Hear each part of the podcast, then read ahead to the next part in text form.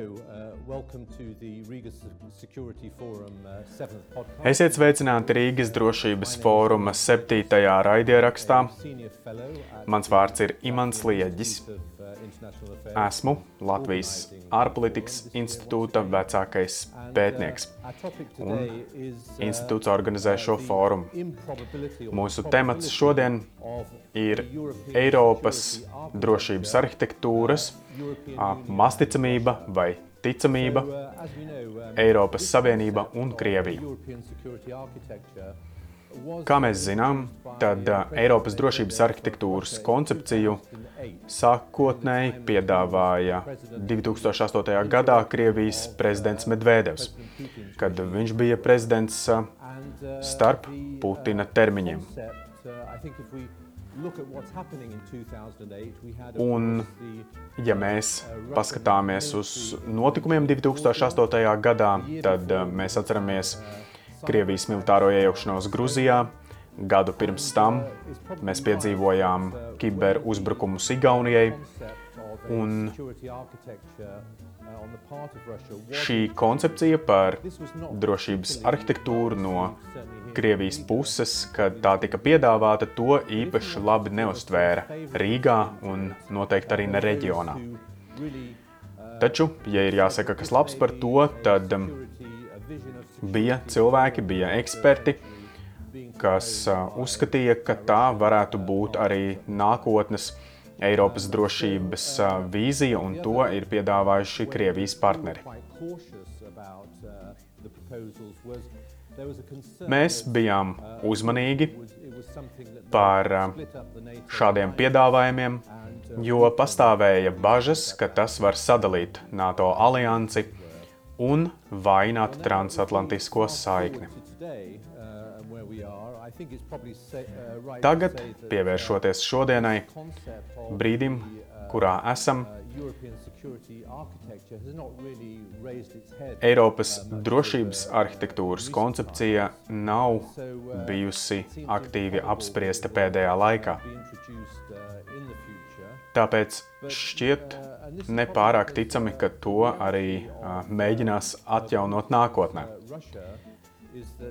Un tas ir tāpēc, ka Putina Krievijas radītā realitāte ir tāda, ka pēdējo gadu laikā viņš ir iesaistījies militārā un politiskā kara darbībā Eiropas drošības ainavā. Kā rezultātā, iznīcinot ļoti daudzu cilvēku cerības, kādas cilvēki loloja attiecībā uz šīm idejām. Un tomēr uh, Eiropai ir jāsadzīvo līdzās Krievijai, pat ja mēs nevaram vienoties par vienotu arhitektūru, vai, kā teica Gorbačovs, mums ir jādzīvo vienās Eiropas mājās. Un, lai diskutētu par šīm konfliktējošām vīzijām par Eiropas drošību, Mēs uh, esam uzaicinājuši izcils ekspertus, uh, kas ar mums apspriedīs šos tematus. Pirmkārt, mēs runāsim ar profesoru Marku Galeoti, kurš ir Majak Intelligence galvenais direktors. Viņš ir arī goda profesors Londonas augstskolā un arī vecākais pētnieks Karaliskā apvienotā aizsardzības pētījumu institūtā un viņš ir ļoti labi pazīstams eksperts Krievijas jautājumos. Un vēl ar mums ir Mārcis Terliakovskis, un viņš ir Startautiskās drošības programmas vadītājs Polijas ārpolitikas institūtā. Un viņš ir arī Eiropas drošības un aizsardzības eksperts no Eiropas Savienības un no NATO perspektīvas. Vēlreiz liels paldies abiem mūsu ekspertiem par to, ka esat šeit. Es gribēšu sākt ar jums, Mark, un jautāt, Eiropas drošības arhitektūra, vai tas ir kas tāds, kas ir jāapsver šodien vispār, ņemot vērā, kad tas tika jau piedāvāts, un to, vai Krievija vispār redz Eiropas Savienību kā partneri, ar ko apspriest Eiropas drošības arhitektūru. Man būs jāsāk ar tādu depresīvu, akadēmisku atbildi, ko jūs domājat ar vārdu drošības arhitektūra. Kad to piedāvāja Krievija, protams, tas nebija īsts, patiesas piedāvājums. Tas bija domāts ar mērķi tātad atvienot Eiropu no ASV, un līdz šim ASV ir bijusi Eiropas drošības garants. Un tomēr tas nenozīmē, ka šo nevar izmantot kā veidu, kā atjaunot sarunas, kurām tik tiešām būtu jānonāk. Jānotiek. Un tas mani noved pie otrā punkta par to, kā Krievija skatās uz Eiropas Savienību. Es būšu tieši. Šeit es visticamāk nepārspīlēšu, kaut gan bieži to daru, vai vispār tātad Kremlis tic, ka Eiropas Savienība pastāv. Viņi zina, ka ir tāda savienība, tā ir pārstāvniecības, tā ir karoks un simboli un vērtības, bet,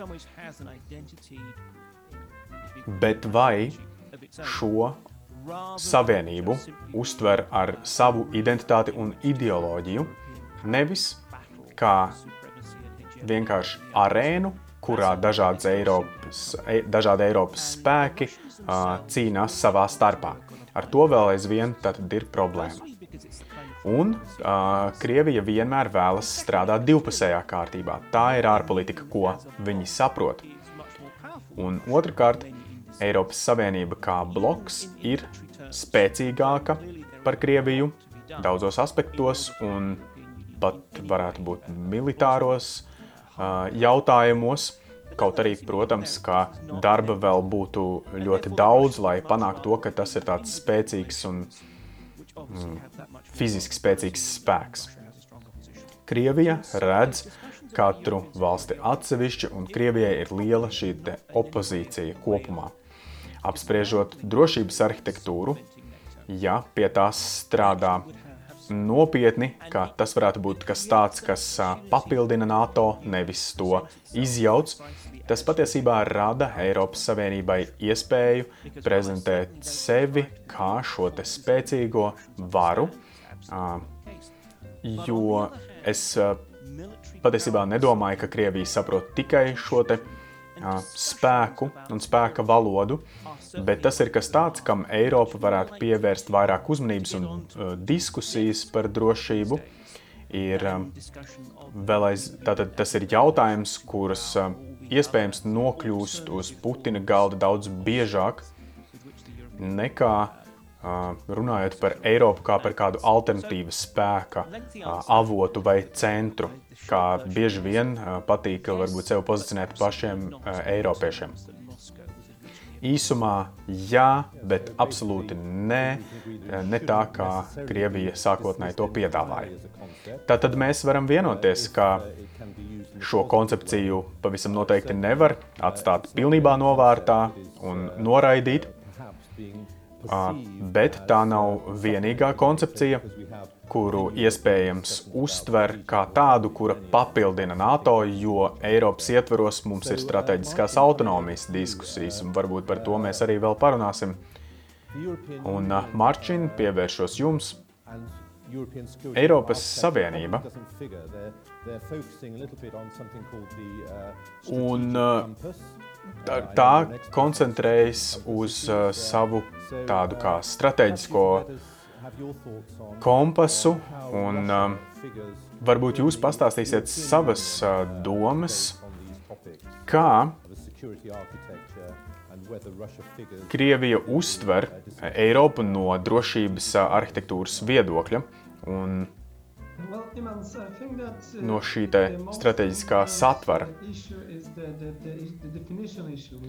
Man šķiet, ka Svarīgākais ir uh, definēt tas, kam jau pieskārās arī Marks, ir plašākā nozīmē Eiropas drošības arhitektūra. Tas ietver daudzas uh, institūcijas, organizācijas, NATO, arī, arī uh, Eiropas uh, padome un arī dažādus uh, starptautiskos līgumus tas ietver. Kurus arī Krievija varbūt nav ievērojusi. Un tieši tāpēc ir jārunā par to, ka Eiropas Savienība varētu būt formāts un virzītājs spēks, kas var ģenerēt jaunu impulsu Eiropas drošības nā, nākotnes diskusijām, diskusijām par šo arhitektūru. Jo tas patiesībā ir lielāks koncepts un kas tajā arī kā tajā iesaistās ASV, arī kā Eiropas Savienības drošībā. Un militārais aspekts, kad kurā nav tik spēcīgas pozīcijas. Jūs pieminējāt strateģisko kompasu. Tas ir rīks, kuram ir jānodrošina jauns domāšanas veids, ko Eiropas Savienība domā šajā drošības jomā. Un no tā ir jāizriet konkrētām darbībām, un tajā ir jāintegrē arī uh, citas darbības, kas ir vērstas uz drošību. Te iesaistās arī um, Krievija. Strateģisko kompasu pieņems tikai pavasarī nākamgad, bet daudzas Eiropas Savienības dalību valstis uztver Krieviju kā draudu Eiropas Savienībai, kā politisko vai militāro draudu. Un to arī apraksta ar hibrīd, kā hibrīdu kāru, dezinformācijas izplatību, kiberuzbrukumiem un arī pēdējā laikā tā ir migrācijas krīze uz Baltkrievijas robežas. Tagad Krievija to uztver kā draudu, dažādu veidu draudu Eiropas Savienībai. Un man šķiet, ka strateģiskais kompass vai tas pieskarsies šai problēmai, ir jautājums, jo problēma ir, ka Eiropas Savienība ir tikai neliela daļiņa no kopējā Eiropas drošības arhitektūras, visas kopējās, kopējā attēla. Un Eiropas Savienību Krievija tieši neapdraud vai neapdraud arī konkrētas dalību valstis, un līdz ar to ir dalību valstis, kuras tiecās tieši veicināt un paplašināt sadarbību divpusēju ar Krieviju. Un tāpēc tās nepiekrīt tam kopējam secinājumam, ka Eiropai ir jābūt stingrākai pret Krieviju. Līdz ar to strateģiskiem kompasam ir jākoncentrējas uz kaut ko, kas varbūt uz krīzes vadību un krīzes vadību tieši ar konkrētu Eiropas Savienības robežu, piemēram, dienvidu vai austrumu robežu. Un šobrīd tāds ir tas um, laukums, kurā tiek strādāts, kurā ir uh, agresija Ukrainā, hibrīda karš, Krievija. Uh, nevieno Eiropas uh, dalību valstis, domājot par nākotnes uh, perspektīvām, attiecību perspektīvām ar Krieviju. Paldies par šo redzējumu! Mark, jūs esat teicis, ka Krievijas mērķis ir sadalīt, destabilizēt un arī novērst uzmanību Eiropā. Vai arī šobrīd tas ir Krievijas dienas kārtībā attiecībā uz Eiropas drošību, jo jūs arī teicāt, ka Krievijai daudz labāk patīk strādāt ar Eiropas Savienības konkrētiem spēkiem vai arī viņi neredz Eiropas Savienību kopumā kā tādu uh, spēku, ja mēs redzam NATO, kas uh, un NATO Krievijai šobrīd jau ir ļoti, uh, ļoti uh, pasliktinājušās uh, attiecības, tad Eiropas Savienība vēl aizvien meklē savu iespēju kļūt par šo globālo spēlētāju. Kā jūs domājat?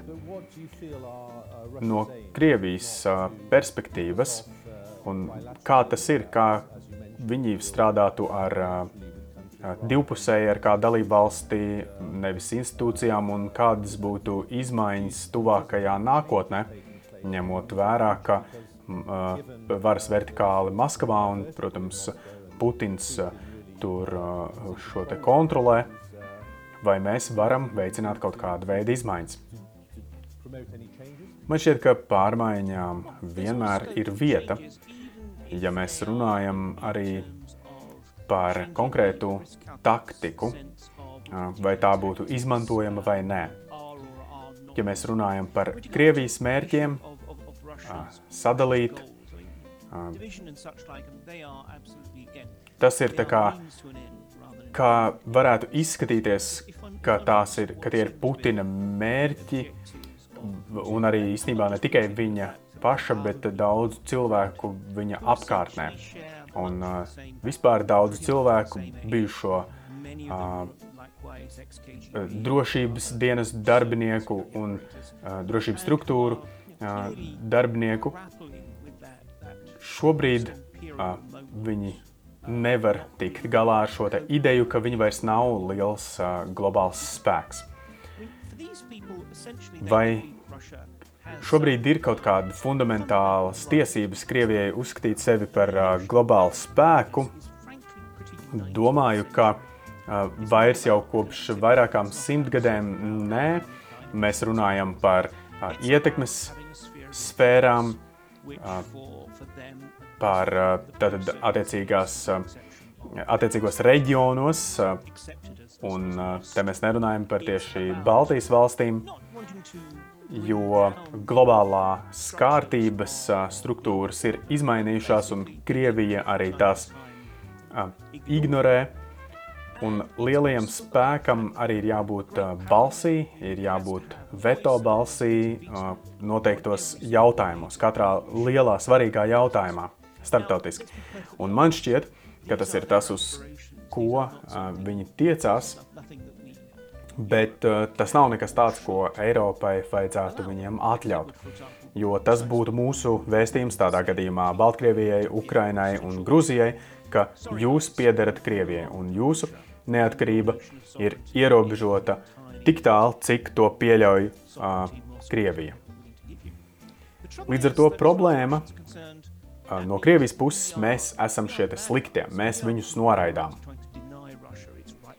Un Tas neataisno to, ko viņi dara, bet viņu prātos Putins un viņa uh, kompānija, tā teikt, viņi it kā uh, no savas skatu punkta rīkojas aizsargājoši. Nevis otrādi. Viņi redz, ka Baltkrievijā tie nav tie cilvēki, kuriem ir jau pieticis uh, ar korumpētu valdību un ar uh, Vi, viņi to redz citādāk. Viņi to redz, ka, ir hibrīd, ka tās ir hibrīda kara operācijas, un kuras tajās valstīs uh, izveids kādi spēki, kas ir pret Krieviju. Un līdz ar to es teiktu, nu, tas ir viegli to raksturot kā pilnīgi nepamatotu un lielu paranoju. Bet varbūt tā ir tiešām patiesa no viņa puses. Vairāk par visu Krievija grib neutralizēt Eiropu, Un šobrīd nav nekādu pierādījumu par teritoriālajām ambīcijām.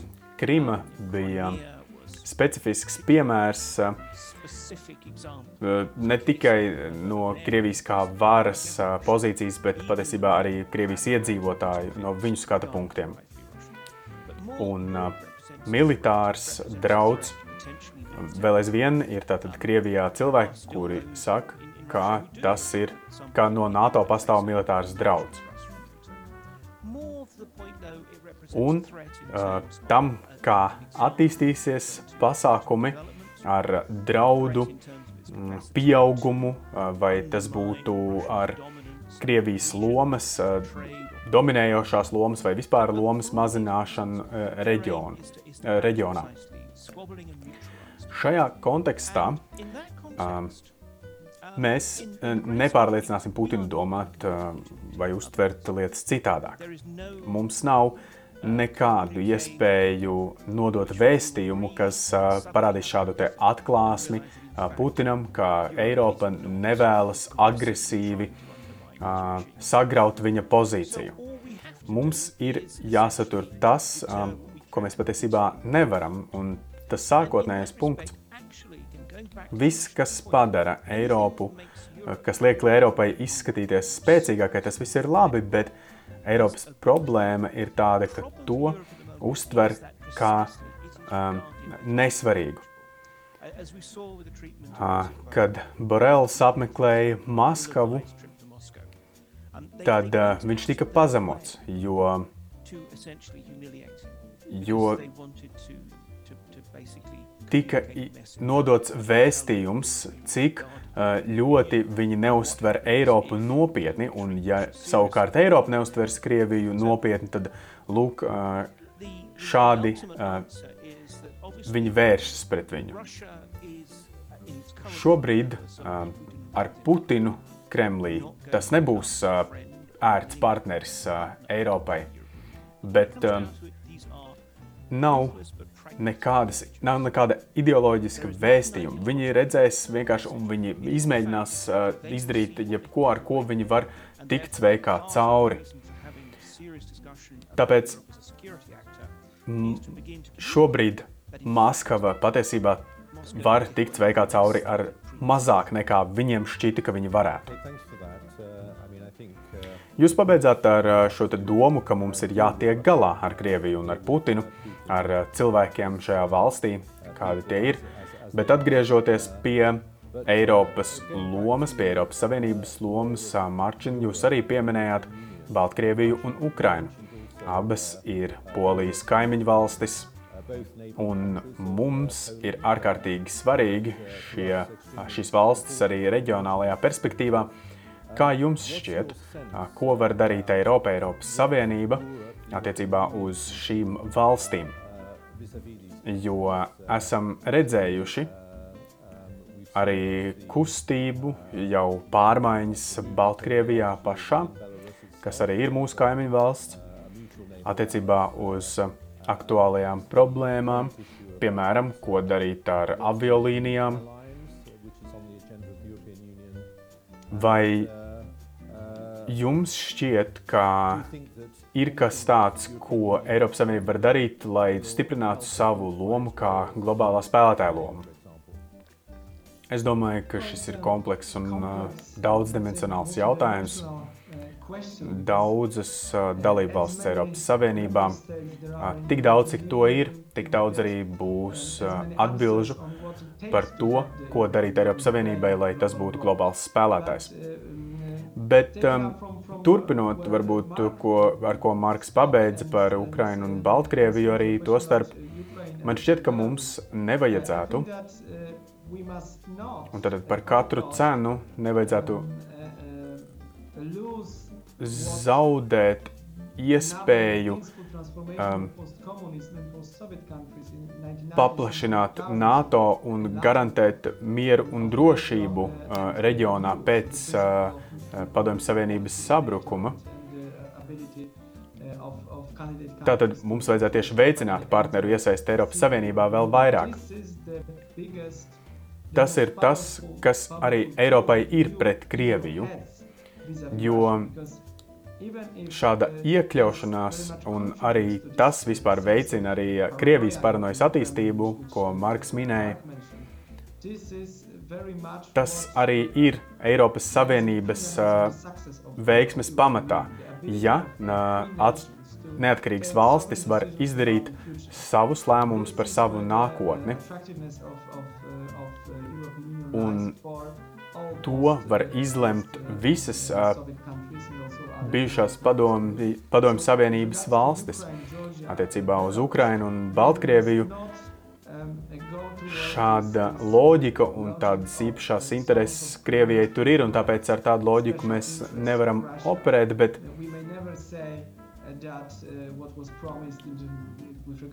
Un arī uh, Bukarestē tika solīts, ka 2000, 2008. Bukarestē tika solīts par to, ka uh, notiks sarunas par uh, Grūzijas un Ukrainas uh, dalību Eiropas Savienībā.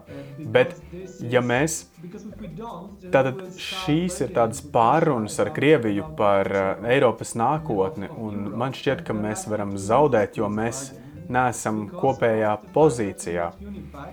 Un mums nav šī spēka, kā uh, veidot mūsu savienību tālāk.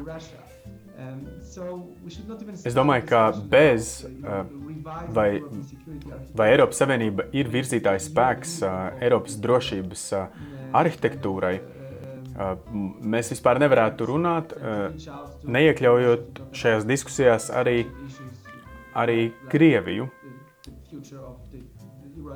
Vai arī Baltkrievijā, piemēram, situācija ir pilnīgi atšķirīga. Šī valsts ir vispār ļoti ātri tuvojas integrācijai ar Krieviju, un ir arī daudz indikātoru par to, kas notiek uz robežas ar Baltkrieviju un Eiropas Savienību, ka to arī pieļauj, to atbalsta, pat atbalsta, piemēram, Krievijā tā ir situācija, kura, uh, kurai nepieciešamas sankcijas, politiska atbilde un ne tikai uh, politiska. Un tā ir situācija, kas norāda uz to, ka Eiropas Savienībai ir jādomā par to, kā stiprināt arī savas, uh, savu dienvidu robežu un Un tātad militārisms, kas strateģiskajā kompasā un tā procesā ir eh, daudz pieminēts. Attiecībā uz jūsu jautājumu vēl ir jāsaka, ka mēs bieži dzirdam Briselē un citās uh, galvaspilsētās, lai Eiropas Savienība izskatītos spēcīga uh, Krievijas priekšā un citu globālu spēku priekšā, tad mums ir jāizstrādā noteiktas distancēšanās politikas, uh, distancēšanās no mm, spēka asīm. Un patiesībā tas ir tas, ko Krievija un Ķīna gribētu redzēt, uh, lai, uh, lai vājinātu šo saikni starp ASV un Eiropu, bet lai savukārt Eiropa patiešām arī izskatītos spēcīga, mums būtu tieši jādubulto vai jādaudzkāršo uh, stiprība šai saiknei.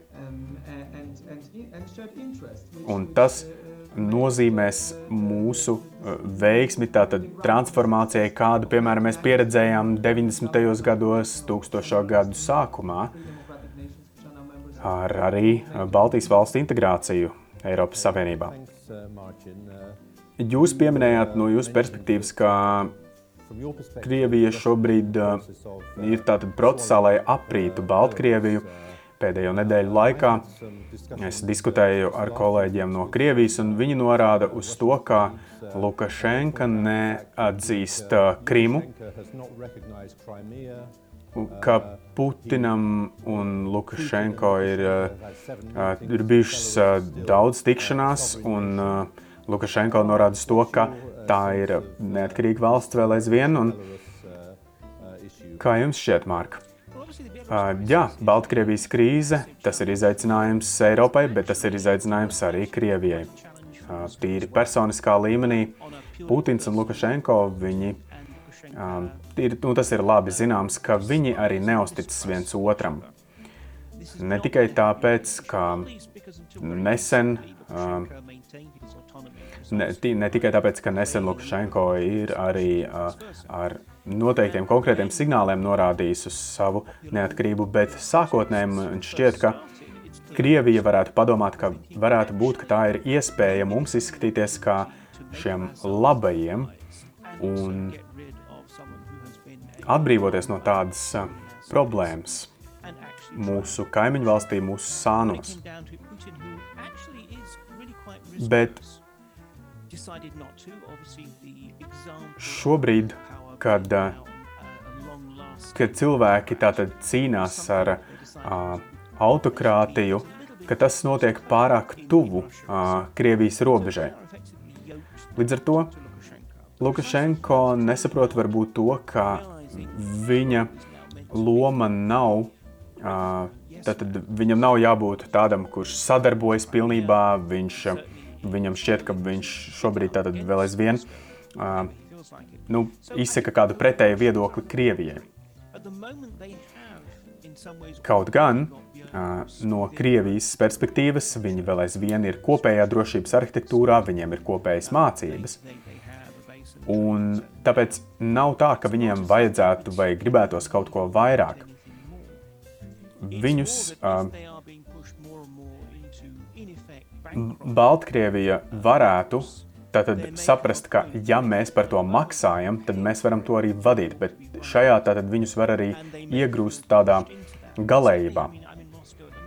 Un tāpēc es, bet es gan neredzu, ka cilvēkiem būtu liels entuziasms par to, ka Baltkrievija tātad, ka cilvēki saprot, ka finansiāli tie būtu lieli zaudējumi un arī starptautiski tas, tam būtu lielas sekas, ja Krievija uzņemtos par to visu lielāku vadību un atbildību.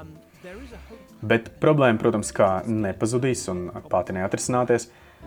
Uh, viņi grib redzēt Lukašenko, Krievija grib redzēt Lukašenko veida vadību bez Lukašenko. Viņa negrib uh, zaudēt arī savu uh, drošības iesaisti. Kā to izdarīt? Es domāju, ka viņam nav nejausmas. Paldies! Uh, pamazām gan tuvojamies beigām, bet uh, Mārķis varbūt vēl dažus vārdus par Ukrainu. Jūs pieminējāt arī viņu vēlmi pievienoties NATO. Mums būs NATO ārlietu ministru tikšanās novembra beigās. Un uh, nedz Ukraina, nedz Grūzija viņiem netiks piedāvāts uh, dalību valsts uh, darbības plāns. un Normandijas četrnieka formāts, kas uh, arī tātad, uh, nekur nav īsti pavirzījies, cenšoties atrisināt Ukraiņas problēmu. Kanclere Merkele, prezidents Makrons gatavojas pārvēlēšanai nākamgad. Bet vai ir kādas idejas par uh, arhitektūru Ukraiņas jautājumā? Es domāju, tas ir miljonus dolāru jautājums. Um, vēl par to, vai tātad Baltkrievija tiks ap, aprīta. Es domāju, ka Krievija uh, formāli nespēr šo soli pārņemt Baltkrieviju. Tas uh, tiešām nav iespējams, manuprāt, jo to personiski un arī vispār cilvēki to nepieņems Baltkrievijā. Un, uh, Es teiktu, ka tas viss var beigties ar to, ka Baltkrievija var uh, sākt izskatīties pēc pilnīgi uh, ar savu neatkarību, kā tikai šķietamu neatkarību. Un tas ir tas, ko es biju domājis ar vārdiem aprīt, kad uh, Putina režīms aprīs uh, Baltkrieviju, nu, ne pašu valsti režīmu. Un, uh, Kas sagaida nākotnē Ukrainu? Tas ir atkarīgs no lēmumiem Kremlī. Bet ne tikai. Arī no uh, rietumu uh, vienotības šajā jautājumā. Mēs runājam par uh, Nord Stream projektu un uh, ne tikai par gāzes tranzītu un to, kā Ukraina bija atkarīga no ieņēmumiem no tā, Bet skatoties uz politisko nozīmi, kādu nes šis fakts, ka rietumi, ko rietumi pieļaus nākotnē, es uzskatu, ka, ka tā tad um, Tas, ja Ukraina pilnībā izslēgs no šīs piegāžu ķēdes, gāzes piegāžu ķēdes, ja Ukrainai netiks kompensēts politiski, ekonomiski, tas, ka tā kā starpnieks tiks izslēgta, tad tas parādīs Eiropas vājumu viņu acīs. Tad mēs redzēsim to, ka aktuālā šī Ukraiņas atbildes spēks tas būs ļoti bīstami. Tieši tas, ko Krievija grib redzēt, lai no Ukraiņas sabiedrības un lai Kijevas nāktu uh, iniciatīva. Tātad uh, parādīt savu stingrāku pozīciju Donbass un Krimas jautājumos. Un līdz ar to padarot to jau oficiāli ta, tas būtu, tā būtu katastrofa.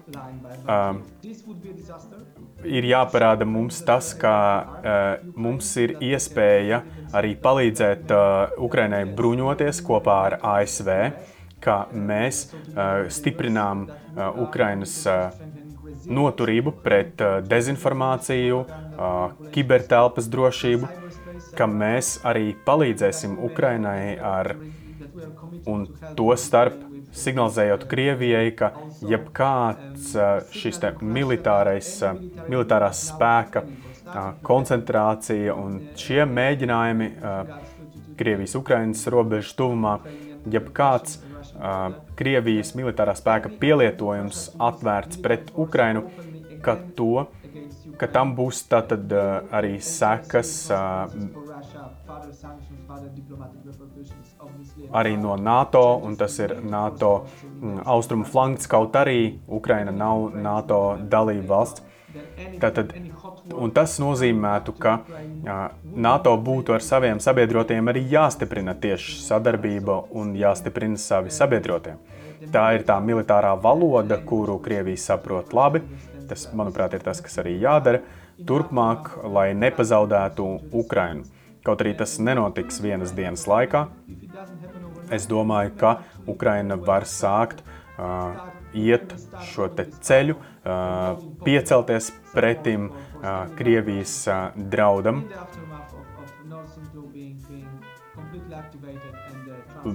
Tātad gadījumā, ja Ukraina tiks izslēgta no gāzes tranzīta. Okay, well, uh, on that, uh. Nevar teikt, ka optimistisks, uh, uz optimistisks nots mēs tagad uh, esam, bet uh, Ukraina ir svarīga nākotnē, Eiropas drošības arhitektūras nākotnē. Ar to es domāju, mēs varam pabeigt un paldies par jūsu viedokļiem un ieskatiem, tīpaši jautājumā ar Baltkrieviju. Tas ir ļoti svarīgi, jo Baltkrievija ir mūsu darba kārtībā, ir Eiropas Savienības darba kārtībā. Protams, ir ļoti daudz vēl jautājumu, kurus mēs nepaspējām apspriest, un arī ASV loma Eiropas drošības arhitektūrā. Un tomēr es domāju, ka mēs varam pabeigt šeit ar to, ka Eiropas drošības jautājums ir ārkārtīgi svarīgs. Krievija tajā ieņem arī svarīgu lomu. Eiropas Savienības loma vēl aizvien uh, tiek definēta. Un mums ir bijis tas gods un prieks uh, ar mūsu lieliskajiem ekspertiem šodien to apspriest. Man šķiet, ka tas tiešām bija lieliski. Marks, kurš runā tieši no Maskavas, un Mārķins, kurš runāja no Varšavas. Paldies vēlreiz! Visu labu!